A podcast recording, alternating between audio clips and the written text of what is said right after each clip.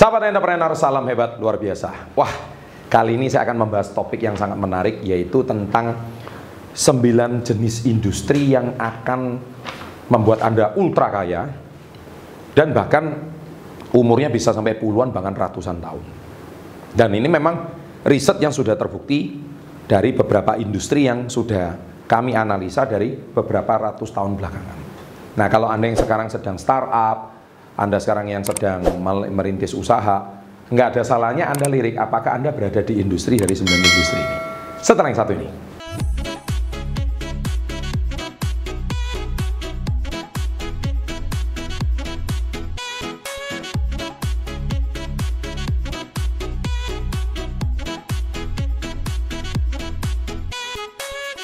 Nah, jadi gini ya, industri yang pertama itu adalah industri jasa keuangan. Jasa keuangan itu memang sangat dibutuhkan kalau di dunia bisnis. Salah satunya perbankan untuk permodalan, untuk bagaimana menyimpan uang nasabah. Saya kira kalau industri perbankan tidak pernah akan mati ya. Karena itu sampai kapan pun tetap akan hidup. Makanya orang punya bank itu orang-orang konglomerat biasanya ya. Dan sekarang didisrupsi oleh yang namanya financial technology atau fintech. Nah sekarang kan sudah punya banyak sekali fintech ya, industri fintech. Jadi saya kira belakangan kalau di Indonesia itu seperti kayak OVO ya, payment ya, seperti kayak Dana, itu kan beberapa jenis industri yang uh, bergerak di bidang fintech ya. Termasuk sekarang yang fintechnya juga menyerang orang menengah ke bawah, yaitu pinjol, pinjaman online. Nah itu hati-hati. Saya mau berpesan kalau pinjaman online itu hati-hati. Saya sendiri banyak ditawari untuk menjadi salah satu influencer dari pinjol. Saya menolak karena itu malah menjadi uh, ya bagi masyarakat menengah ke bawah. Karena Anda pinjam satu juta, terima uangnya 800, terus balikinnya kapan nggak tahu.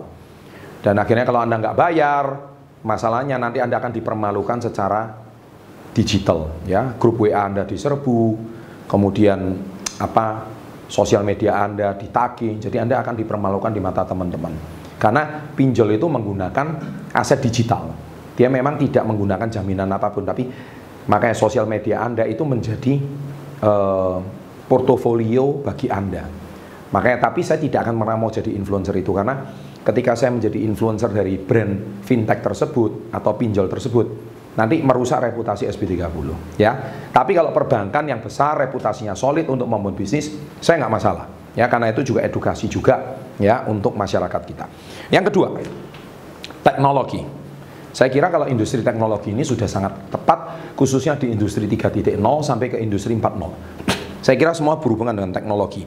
Apalagi sekarang sudah ada IoT, Internet of Things, ada AI, Artificial Intelligence. Ya, nggak lama lagi sekarang blockchain. Ya, saya sudah bahas banyak tentang blockchain. Ya, blockchain ini juga akan mendominasi dunia. Blockchain ini juga akan membuat sekarang China aja sudah merencana membuat blockchain sendiri.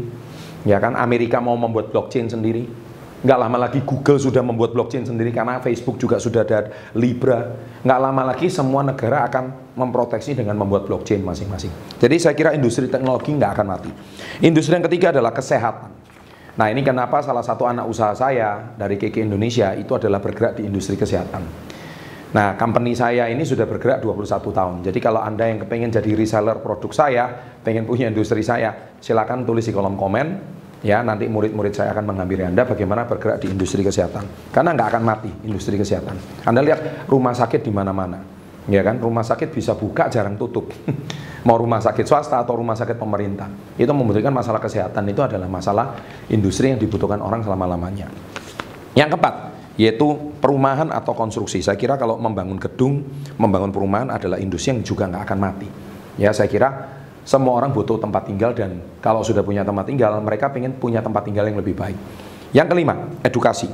Nggak mungkin edukasi ini mati. Nah, itulah sebab channel Success Before 30 kita fokus di konten edukasi.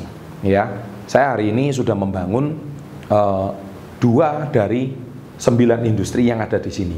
Ya, yang ini akan terus dan itu akan dibutuhkan. Yang keenam adalah industri entertainment atau hiburan. Ya, saya kira semua orang butuh dihibur.